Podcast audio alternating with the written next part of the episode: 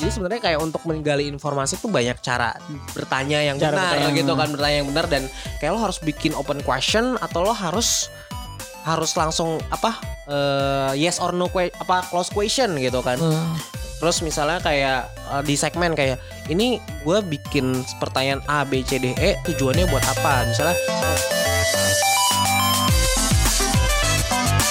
relevan gak sama audiens? Terus kontennya ini entertaining gak informatif gak gitu kan.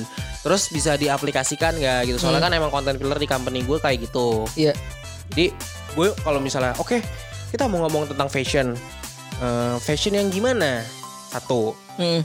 terus eh abis fashion yang gimana? Terus Hah? lu ta- tanya juga kayak hmm, oke kalau mau fashion yang gimana berarti gue harus ngomong sama siapa atau enggak Iya. sebelum itu mungkin tanya kalau fashion yang gimana misalnya ngomongin fashion sustainable fashion gitu Iya.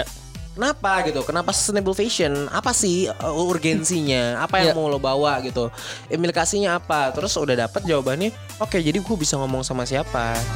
Oh Gitu. justru lu ngomong sama siapanya nentuin tamu